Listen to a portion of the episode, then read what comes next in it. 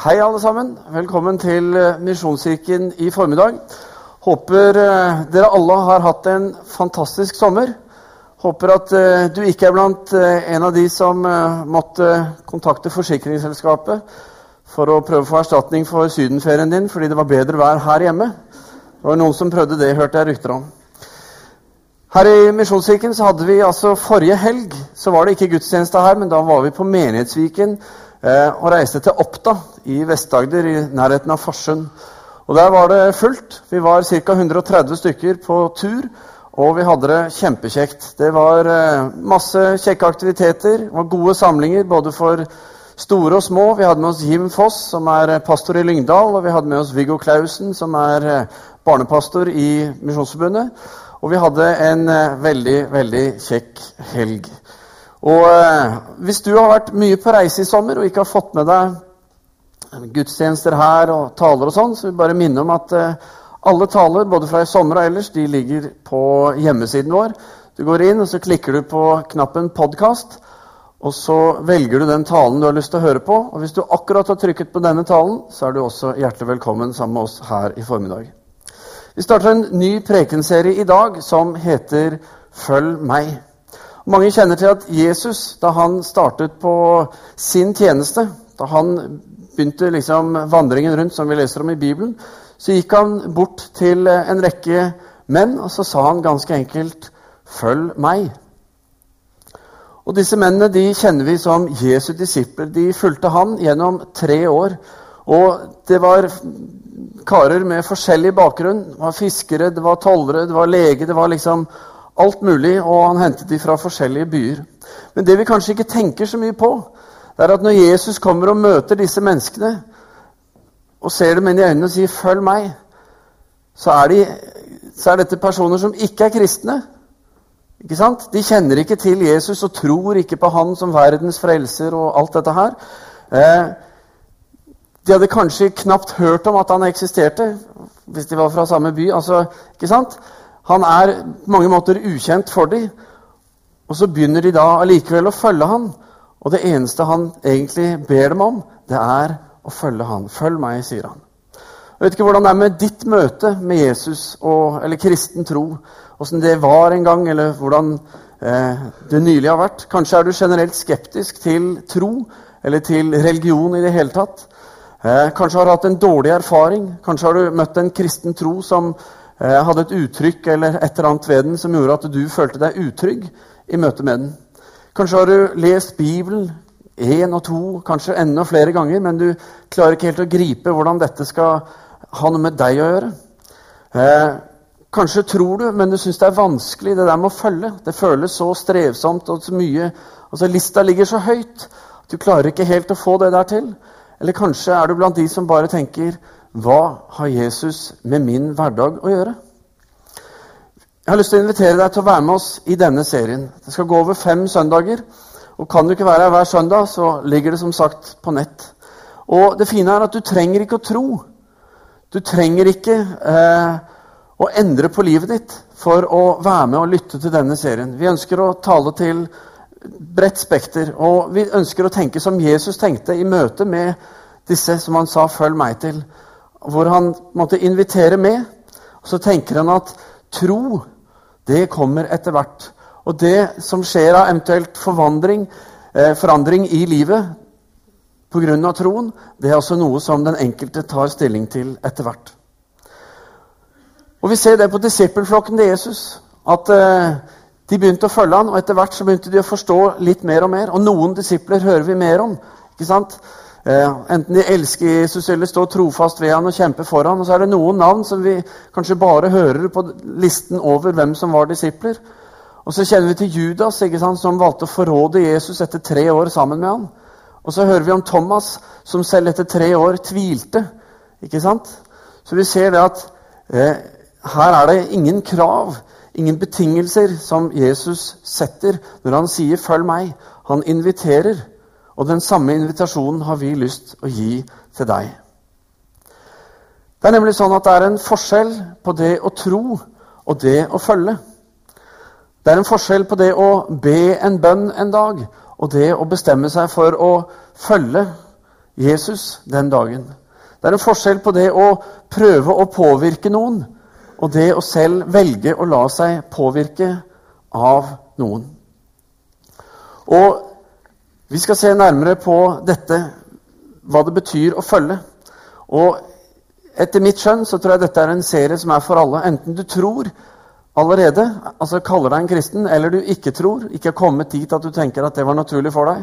Enten du er herlig frelst og har det så bra som bare det, eller du er helt avklart ateist. Enten du er skeptisk, eller du tviler, eller hvor nå enn du er. Jeg tror dette er en serie som vil passe for alle. Et førsteinntrykk det er noe som er eh, avgjørende. Stort sett alltid avgjørende. Og Forskning viser at et førsteinntrykk er noe som skapes i løpet av veldig kort tid. Det kan være snakk om sekunder for dette. Og Et eksempel på et eh, litt sånn vanskelig førsteinntrykk for meg, det er sushi. Rå fisk. Ikke sant? For meg så er, eller og jeg tror for mange så er tanken på rå fisk noe som oppleves uappetittlig. Eh, det skal selvfølgelig enten trekkes eller kokes eller bakes eller osv. Eh, jeg i min ungdom eh, tro det eller har jobbet mye med fisk. Sto i fiskedisk og var sløyet og filetert. og Jeg har saltet og jeg har solgt råtten fisk, altså det som heter rakfisk, eh, som heldigvis oppbevares i en bøtte. Og når man selger den, så skal man ha god måte, Jeg pleide alltid å holde pusten. Altså, Så tok jeg fisken ut og lukket den bøtta så fort jeg kunne for å kunne endelig puste igjen. Og jeg har solgt eh, dagsferske varer med liksom strålende makrell som er helt pinnestiv. ikke sant? Men sushi har for meg i utgangspunktet hatt en veldig dårlig start. Fordi i min kultur og i norsk kultur så har det liksom ikke vært noe sånn derre Ja, rå fisk, det spiser vi. Ikke sant? Og så kan det kanskje hende at han som eh, eh, At han var norsk, han som lagde dette bildet som en slags illustrasjon om hvor galt det er å spise rå fisk. Hva vet jeg? Men poenget er at jeg holdt meg prinsipielt unna sushi i mange år. Pga. at rå fisk, det mente jeg det var liksom ikke tingen. Helt til en dag min beste venn og matentusiast Atli eh, kom med en laks, en svær laks, nytrukken, helt rett ut av fjorden. Tok den opp og bare begynte å, å kutte. Og så lagde han til sushi. Eh, hadde begynt å øve seg på dette. Og så sier han til meg 'Denne må du smake', sier han. Og så gjorde jeg det, vel vitende om at bare eh, et år eller to før så hadde den samme kjekke mannen kommet til meg med en liten bit. En ørliten terning med hai som han hadde med seg fra, ja, ikke sant? Som han hadde med seg fra Island. Og som han sa 'Dette må du smake', sa han. Jeg smakte på det. Fy filler'n, så dårlig. Det var kjempevondt. Det var grusomt. Og nå står han her med denne rå fisken som jeg i utgangspunktet er kjempeskeptisk til. Og sier han, dette må du smake. Men jeg hiver meg på. Vet at det er liksom fersk fisk og alt sånn. Smaker. Tenker helt greit. Eller som han lærte meg å si når maten ikke er så god, sa han interessant, men ikke noe for meg. Men jeg tenkte been there, done that. ikke sant? Og, ikke bare, og så var det liksom bekreftelsen var at vi grilla den samme laksen senere den samme dagen, og det var noe av den beste laksen jeg hadde hatt. Det bare liksom bekreftet. Men jeg kunne i hvert fall si nå har jeg prøvd det, og helt greit. Men så skjer det da at Marianne, min elskede kone, hun ble bitt av en sushi. Og hun snakket til stadighet om hvor godt dette var, og jeg bare skjønte at det må nok komme en dag hvor jeg igjen må spise sushi. Men så skjer det da at jeg skal ha en vigselsamtale med et ungt par. Og vi hadde avtalt eh, å møtes sånn rett etter arbeidstid, for det var liksom det vi fikk til. Og så tenkte de at vi må ha noe mat, og han er sikkert sulten, så de tenkte at det er lett å dra med seg noen brett med sushi fra butikken. ikke sant? Så de spør, ringer og spør på forhånd du, spiser du sushi. Er det greit, liksom? Så kjenner jeg den satt langt inne. Så jeg, ok, Disse er unge og spreke, og jeg, jeg skal ikke framstå så gammel, så nei, jeg må være litt sporty nå. ikke sant? Jo da, jeg, jeg har ikke spist det mye, sa jeg, men jeg skal gjerne prøve det. Så kom jeg, og så fikk jeg det servert, og så tenkte jeg det var ikke så verst. Dette var bedre enn liksom det jeg hadde gitt det før. Og fikk litt smaken for det. Såpass mye smak for det at jeg en dag gjorde sjakktrekket. Det var å foreslå for kona mi at du, vi skulle ikke tatt en sushilunsj sammen, da. Og hun strålte. Hun var jo så begeistra. Så er tipsgutta. Eh, Kjempebegeistra for det. Og så kom jeg ut liksom på en ordentlig sushirestaurant og fikk det ordentlig servert. Og jeg tenkte å, dette er kjempegodt. ikke sant? Å følge Jesus, det har forandra mitt liv. Jeg er oppvokst i et kristent hjem, eh, men jeg har trodd hele livet, og jeg har hatt en bevisst forhold også til det. I tenårene så fikk jeg en kallsopplevelse til å bli pastor. Men eh, som pastorsønn så visste jeg noe om hva det var. Og jeg hadde andre tanker, andre ønsker, så jeg la det kallet på hylla. Men når tiden kom til at jeg skulle velge måte, min vei videre, så vokste dette kallet fram. Kallet om ikke bare å tro på Jesus, men å følge han. Og Jeg er overbevist om at mitt valg om å følge han, om å gå inn i den tjenesten som jeg opplevde han kalte meg til, at det er noe som har skapt en bedre meg. At jeg er blitt en bedre eh, person, en bedre ektemann, en bedre far, en bedre leder, en bedre venn, en bedre nabo osv. pga. det. Og tro nå ikke at jeg er fullkommen. For hvis du tar meg på noen som helst av de rollene, så kan du plukke meg fra hverandre enkelt som bare det. Jeg er ikke bedre enn som så. Men jeg opplever at når jeg eh, i møte med Jesus ser på mitt liv og ser på mine valg og mine muligheter, så opplever jeg at det valget som eh, Jesus leder meg til, det er et valg som jeg tenker dette er bra, dette er bedre, dette vil jeg gjøre. Og så opplever jeg også at det er noe som blir til velsignelse. Så jeg har lyst til å utfordre og oppfordre deg til ikke bare tro på Jesus, men bestem deg for å følge ham. I Matteus 9, i vers 9, så leser vi om da Jesus kommer til en toller som heter Matteus. Og der sier Jesus til han, 'Følg meg' så står det at han reiste seg og fulgte han. Det er ingenting som tyder på at disse kjente hverandre eller visste noe særlig om hverandre i det hele tatt på forhånd. Eh, og Det vi vet om Matteus, er at han var en toller. At han eh, etter eh, Han var regnet som en synder, som en uren person. Det vil si han eh, gjorde ting som var galt. Så han fulgte ikke den jødiske troen og skikken særlig mye. Og så Jobben hans var å kreve inn skatt. Og det han gjorde, han og de andre tollerne, det var at de krevde inn for mye. Og Det gjorde at de var mislikt, og alt det som var for mye, det gikk rett i lomma på dem. Så det var en lukrativ business for han.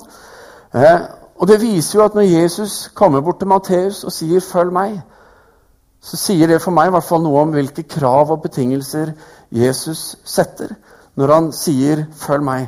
Fordi du skulle, Hadde du henta en jødisk leder bort. For å si, Hva vil du si til denne mannen, denne tolleren? ikke sant? Ville han sagt 'følg meg', eller ville gitt han liksom 'du er fy, fy og fy, fy'? ikke sant? Og alt det Jesus kunne ha sagt, så sier han 'følg meg'. Det Vi skal gjøre nå, vi skal hente ut tre ting fra denne, dette møtet mellom Jesus og Matteus. Tre ting som vi kan ta, oss, eh, ta, med oss videre, og som vi kan lære. Og Det første er, det er at å være en synder det diskvalifiserer deg ikke fra å kunne følge Jesus. Og vet du hva? Det syns jeg er veldig gode nyheter. Fordi jeg er en synder. Jesus sa aldri 'gå og bli fullkommen'. Gå, han sa av og til 'gå og synd ikke mer', sa han, som en oppfordring. Men han sa aldri 'gå bort, kom tilbake om et år', og hvis du kan bevise at du aldri har syndet en eneste gang i løpet av det året, så skal vi snakke business. Hvis du leser så og så mye, eller ber så og så mye Han hadde ikke de tingene der med. Han sa 'følg meg'. Og eh, Så Jesus møter oss akkurat der vi er. Han møtte Matteus i tollboden. ikke sant? Og så kommer han med en utfordrende, men samtidig uforpliktende invitasjon. Følg meg. Så er det mange som har lurt på om Jesus er verdt å følge. Ikke minst fordi de kanskje er blitt presentert for en holdning i kristne menigheter eller blant kristne mennesker som sier at du må forandre deg for å kunne tro. Og at du må tro for faktisk å kunne bli akseptert og bli en del. ikke sant, og alt dette. Og Det er en utfordring for medlemskap i menigheter, for du må liksom gjennom alt dette før du kan bli medlem. Derfor er det viktig å ta imot mennesker med en, dag, med en gang. ikke sant? Eh, det er altså blitt satt krav til det å følge. En må gjennom en viss standard, ikke sant? Eh, og særlig da hvis man skal følge i fellesskap med andre. Men det Jesus gjorde, var at han snudde på dette. Han aksepterte først. Han gikk bort og møtte Matteus og de andre der hvor de var, her og nå. Og så sa han 'følg meg'. Og Så tenkte han hvis det leder til tro, så vil de selv mest sannsynlig velge å gjøre forandringer i sitt liv. Og Derfor er det rom for hvem som helst til å følge Jesus. Så denne invitasjonen 'følg meg' betyr at uansett hvem du er, uansett hva du har gjort, så kan du få lov til å følge Jesus. Og Det betyr også at for oss som menighet, for oss som kristne, at vi er nødt til å hjelpe mennesker til å se dette. Vi må passe på at ikke vi setter standarder eh, som hindrer mennesker i faktisk å følge. Noe som kanskje historisk sett er et, eh, noe vi har slitt med, at vi har litt dårlige førsteinntrykk. Altså vi skuer hunden litt på hårene. Men nok om det. For det andre så lærer vi av denne historien at Jesus han så forbi synden for å nå inn til synderen. Og dette syns jeg også er fantastisk. Jeg er utrolig takknemlig for dette. Fordi det Jesus gjør i møte med meg, det er at han er villig til å se forbi den synden jeg har i livet mitt. Han sier at Frode, det handler ikke om din synd. Det er ikke det som er viktig. Det som er viktig for meg, det er deg, sier han. Og Det samme sier han til hver enkelt av oss. Han var villig til å sette synden til side for å nå inn til synderen og formidle sin eh, kjærlighet til han. Så han setter altså vår synd til side fordi han er interessert i oss. Og Vi ser i vers 10, i altså det følgende verset, så Jesus så leser vi senere var Jesus gjest i huset. Det kom også mange tollere og syndere og var sammen med Jesus og disiplene hans til bords. Og det som skjer her, det er ganske enkelt sjokkerende. Det er helt uakseptabelt blant jøder, det som nå skjer. At Jesus og de andre disiplene satte, altså gikk inn i huset til en som var uren til en som var synder, og på en måte satt til bords med han. Det gjorde man bare ikke. Da ble man selv uren. Og Jesus og disiplene hans de var regnet som jøder, og regnet seg nok selv også som det. Eh, og så skjer jo det at ryktet går på byen om at du, han der Jesus og disiplene hans, nå er de inne hos Matteus og alle de andre gærningene. ikke sant? Og så er de med på festen og spiser og drikker sammen med de. Og så kommer de andre religiøse lederne raskt til stede for å se dette selv og for å fordømme det og ta avstand fra det og si nei, dette er ikke bra. Men Jesus derimot kan virke som at han var på rett plass. Og at han trivdes der sammen med de religiøst tilsidesatte. Jesus han hatet synden. Han hatet synden for han visste og så at synden den ødelegger mennesket. Den skader noe i oss og leder oss vekk fra han, vekk fra Gud. Så han ga aldri aksept for synden. Men det Jesus gjorde, og var veldig tydelig på, det var at han elsket synderen. Og han elsket synderen og synderne så høyt at han gikk i døden for hver enkelt. Han tok på seg all straff, all din og min, all straff som noensinne har vært, er det korset handler om. At han soner den straffen for at vi skal kunne komme til Gud, at vi skal få tilgivelse, at vi skal få ta imot frelse. Men så har det Matteus, da. Han var en type som eh, jeg tror de fleste kunne tenkt seg gitt en omgang juling. Fordi han var en svindler, ikke sant? Han, de visste at han tok for mye penger, men de hadde ikke noe valg, fordi soldatene til keiseren sto liksom i bakgrunnen og betalte, ikke sant? Men å elske noen som andre hater, det krever mye. Det krever styrke, og det krever vilje. En skal liksom vite hva en gjør. Og Vi leser i vers 11. Da står det Fariseerne så dette, og de sa til disiplene.: Hvorfor spiser mesteren deres sammen med toller og syndere? Fordi denne scenen det er en skikkelig sånn derre Hva skjer da? Ikke sant? Hva er det dette handler om? Dette var som sagt uakseptabelt. Det Jesus gjorde, skulle man ikke gjøre. Men de religiøse lederne de var mye mer opptatt av bud enn det de var opptatt av Gud. Og fordi de var så opptatt av bud og det å følge alle regler til punkt og prikke, så var, ble de hindret i å se Gud, se hva han gjorde. Og faktum det at Jesus, altså Guds sønn, selv var nå og besøkte Matteus og alle vennene hans. Det gikk de glipp av.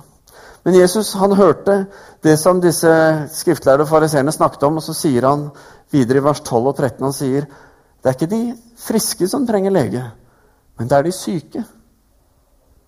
Og Det er jo ganske innlysende. Vi er enig i det. ikke sant? Det er de friske, ikke de friske som trenger lege, men de syke. Og Så sier han 'gå og lær hva dette betyr'. Og Så siterer han Hosea, som sa 'det er barmhjertighet jeg vil ha, ikke offer'. Så legger Jesus til 'jeg er ikke kommet for å kalle rettferdige, men jeg er kommet for å kalle syndere'. Jesus han så forbi det religiøse. Han så forbi det institusjonelle. Han valgte å se menneskene som dem de var. Han satte synden til side.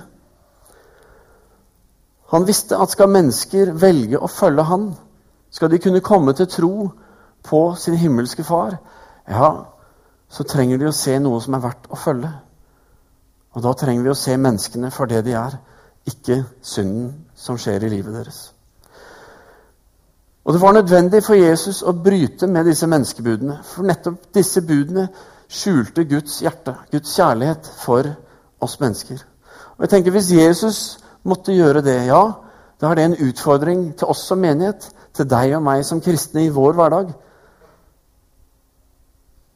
Til kanskje også å måtte bryte noen menneskebud. Ikke bare akseptere tradisjonen opp gjennom sånn den har vært, fordi det er sånn vi har pleid å gjøre det. For det er nemlig sånn at det er våre handlinger som synliggjør hjertet vårt. Som synliggjør hva troen gjør i livene våre. Det er ikke holdningene våre og meningene våre og diskusjonsevnen vår for hva vi tror på. Og det er mange mange sårede mennesker rundt omkring i Norge i dag, og i Stavanger for den saks skyld, som sitter med dårlige erfaringer i møte med troen, i møte med de kristne. Og så handler det om en manglende evne til å se forbi synden. Vi har blitt for opptatt av å se synd at vi har gått glipp av å se synderen. Og Så utfordrer dette oss på vår forståelse av Guds nåde. Og så utfordrer det oss også på vår evinnelige trang til alltid å skulle fortjene noe. Og kreve det av oss selv og kreve det av andre. Men det er ikke det Guds nåde handler om. Og Philip Yancy, en meget eh, dyktig forfatter, skrevet mange gode bøker, bl.a. bestselgeren 'Nådens gåte'. Han sier noe veldig flott som jeg har sitert han på mange ganger. Han sier det er ingenting du eller jeg kan gjøre for å få Gud til å elske oss mindre. Det er ingenting du eller jeg kan gjøre for å få Gud til å elske oss mer. Og det er grunnlaget for den nåden som Gud møter oss med. Og det eneste du og jeg kan gjøre, det er faktisk å ta imot det Gud har å gi. Og den beste måten å se og forstå hva Gud har å gi, det tror jeg er å følge ham. Gå sammen med og finne ut ok, hva er det dette handler om. Hvem er du? Det tredje som vi kan lære av Jesu møte med Matteus, det er at du er nødt til å forlate noe for å følge. Nå høres det kanskje som en motsigelse til det jeg har sagt så langt, og det kan jeg forstå, men jeg tenker på et eller annet tidspunkt så må det å følge Jesus komme til et punkt hvor du må velge å ta et oppgjør med noe, forlate noe. Det kan være fordommer, det kan være et førsteinntrykk, det kan være så mange forskjellige ting. Men saken er den at hvis det å følge ikke på noe som helst tidspunkt innebærer en forandring, hva er da poenget med å følge? Matteus han forlot tollboden sin. Og vi liker å tenke at han reiste opp og gikk, og så så han seg aldri tilbake. Men så vet vi jo det, for vi har nettopp lest det, at senere den kvelden så samles han med sine venner, med sin omgangskrets. ikke sant? Og så får Jesus og de være med på det. Så jeg tror ikke på den derre og så var liksom alt der. Men allikevel så tror jeg at det gikk forholdsvis fort. da. Men han la ut på en ny kurs. Han forlot sin tålmod. Han visste ikke egentlig hva det ville innebære, for han skulle faktisk vandre sammen med Jesus i flere år. Men han valgte å gjøre det. Og Jeg tror det handler om at Matteus opplevde at Jesus kom og så han for den han var, ikke for det han gjorde. Fordi der andre mennesker så på han med hat, så så Jesus på han med kjærlighet. Og Gjennom denne serien så skal vi se nærmere på ja, hva vil det egentlig si å følge. Vi skal liksom stå litt der sammen med Matteus og tenke ok, hva er det som ligger foran oss? Og jeg tenker Et tegn det er at du har forlatt noe et eller annet sted på veien. Hva har du forlatt? Jeg husker i 2003 så eh, fikk Marianne, min kone og jeg vi fikk anledning til å overta en butikk. Vi bodde da i Drammen, og Marianne hadde jobbet i en butikk, og de som eide den, skulle selge. Og vi fikk denne muligheten og var veldig begeistra for det. God pris og alt lå greit til rette. Så eh, Tanken var liksom at hun skulle jobbe der og lede den, og jeg skulle hjelpe til så godt jeg kunne på fritiden. Betale regninger og lønninger og prøve seg på litt regnskap. Jeg hadde jo tross alt Bedduck på videregående, liksom. Men så er det jo sånn at vi hadde en prat da, før vi bestemte oss for dette endelig. Fordi jeg har en jobb hvor det er viktig for meg å være der jeg opplever at Gud kaller meg. Og Det er ikke ukjent at en pastor han kan plutselig oppleve å bli kalt et annet sted. Og Så var det viktig da å egentlig prate litt om ok, hvor viktig er denne butikken for oss. Og Vi snakket om det, og heldigvis så visste Marianne hvem hun giftet seg med. Visste hva slags liv det handlet om. Så når vi snakket om dette, så var det enkelt for henne å si at det viktigste for meg, det er å være at vi er der hvor Gud kaller oss til å være. Og det gjorde at eh, butikken ikke fikk førsteplassen, som gjorde at den var noe vi kunne forlate dersom det var spørsmål om det. Så gikk det knapt et år. Dette var vel i februar-mars. Og så gikk det til november. Så fikk vi en henvendelse fra Stavanger med spørsmål om det var interessant å komme hit. Og heldigvis hadde vi hatt den praten som gjorde at eh, vi slapp å føle på det. Vi hadde snakket om det, og det gjorde til at vi eh, sa ja til Stavanger. For, men vi forlot definitivt noe. Vi forlot det som egentlig var en drøm, særlig for Marianne så var den butikken en drøm som hadde gått i oppfyllelse. Og det å forlate den var vanskelig. Og ikke bare det, men når du driver butikk på så kort tid, så er det vanskelig å selge den med noe gevinst. ikke sant? Så vi solgte den og, og gikk i tap. Og det gjorde at når vi kom hit, så hadde vi ikke noen penger å investere i en ny butikk. Så vi forlot definitivt en drøm der. Men så vet mange her at for bare et halvt år siden, nå i mars, ni og et halvt år etter at vi flyttet fra Drammen, så fikk vi da anledning til å starte butikk på ny, og har det nå. Og syns jo det er selvfølgelig kjempeflott. Men det er lett å havne i en situasjon i livet hvor, vi, eh, altså hvor noe kommer i veien. Hvor det er noe som hindrer oss i å følge. Noe som får førsteplass, og som gjør at eh, vi får ikke fulgt sånn vi hadde tenkt, eller sånn vi hadde lyst til. For ofte er vi knyttet til det vi har. Og Matteus han var rik. Han var vant med å leve med bra med penger.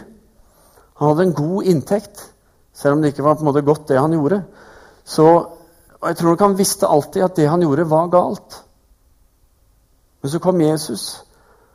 Så kom Jesus og møtte han, og så fikk han til å se at men Matteus, det, det er ikke deg som er galt. Det er det du gjør som er galt.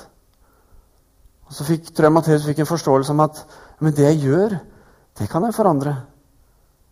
Det kan jeg endre på. Jeg kan velge å gjøre noe som oppleves riktig, som oppleves bra, og som er til velsignelse. Og det var det valget Matteus tok. Utgangspunktet er at vi utfordres til å følge, og at det å følge det kan få en stor betydning for livet vårt. I dag så snakker vi om Matteus fordi han for snart 2000 år siden valgte å følge. Og det fikk stor betydning for hans liv. Ikke bare fikk han være en av disiplene som fulgte Jesus, og være med blant apostlene etterpå, men han ble også forfatter av Matteusevangeliet. I verdens mest leste, mest oversatte, mest solgte bok, Bibelen. Så å ta valget om å følge Jesus vil bety ja, at du må forlate noe, men jeg er overbevist om at det vil være verdt det. Men det viktigste som jeg har lyst til å formidle til deg i dag, er at uansett hvor du er, og hvor enten du har prøvd mye og følt at det er tungt og vanskelig fordi det er blitt satt en standard, enten av deg selv eller av andre, som du syns er vanskelig å følge opp, og så hindrer den standarden deg kanskje i å følge. Hiv den standarden på båset. Uansett hva det er som har kommet inn i ditt liv, og som hindrer deg i å følge Jesus, i å ta imot Hans nåde, ta imot Hans kjærlighet, som gjelder for deg, som handler om deg fullt og helt, så ta et oppgjør med dette som hindrer deg. Fordi invitasjonen er der, og den gjelder alle. Og jeg tror når vi begynner å følge Han enda nærmere, og vandre sammen med Han, bruke tid sammen med Han, så vil også Han og det livet han levde, får lov til å bli en større del av oss på en naturlig måte. Ikke fordi noen har sagt at du må følge dette skjemaet, eller sånn, men at vi skal få lov til å følge Han og hvile sammen med Han. Han er ikke ute etter å ta oss. Han kommer definitivt til å utfordre deg. Ikke tro noe annet. Men først og fremst inviterer han deg. Så være med, skal vi be. Kjære himmelske Far, vi takker og priser deg, Herre, for at eh, du er først og fremst åpne armer. Du har gjort alt, Herre, i din makt for at vi skal få lov til å komme til deg, at vi skal få lov til å følge deg og lære deg å kjenne og få lov til å gå på den veien, Herre, som du viser oss. Både gjennom ditt ord, Herre, men også i vårt liv sammen med deg og sammen med andre som tror og som ønsker å følge. Og Jeg ber, Herre, at eh, vi alle skal få se, enten vi tror eller ikke, uansett hva slags bakgrunn vi har, skal vi se at du er en som er verdt å følge. En som er verdt å bli bedre kjent med at førsteinntrykket det var litt gærent, kanskje. Eller at de fordommene handlet mer om en tradisjon eller om enkeltpersoner som en har møtt, enn det handler om deg, Jesus. Så jeg ber Herre at du skal hjelpe oss nå å se med klare øyne, Herre, hva det handler om, sånn at vi ikke velger å la være å følge deg på grunnlag som er dårlig, som ikke handler om deg, men som handler om andre ting. Men takk, Herre, for at du inviterer, og så møter du med kjærlighet. Og så hjelper det oss å se hva vi skal gjøre med synden vår, framfor å fortelle oss hva vi skal gjøre med den. Og takk, Herre, for at eh, det er ingen av oss som eh, ikke kan følge, men det er noe for alle. Så hjelp oss, Herre, å følge der hvor vi er, og ta noen viktige steg, Herre, som måtte være med å hjelpe oss til å følge på en bedre måte. Herre, jeg ber at du skal tale til hver enkelt nå i formiddag. Takk, Herre, for at eh, du vil det beste for hver enkelt. Men tal til oss og vis oss, Herre, akkurat hva dette handler om i våre liv. Slik at vi, Herre, kan ta gode valg preget av deg. Sånn at vi får se mer av hvem du er, og hva du har gjort, Herre, og hva du inviterer oss inn til. Vi priser deg, Far, i Jesu navn. Amen. Nå skal vi få en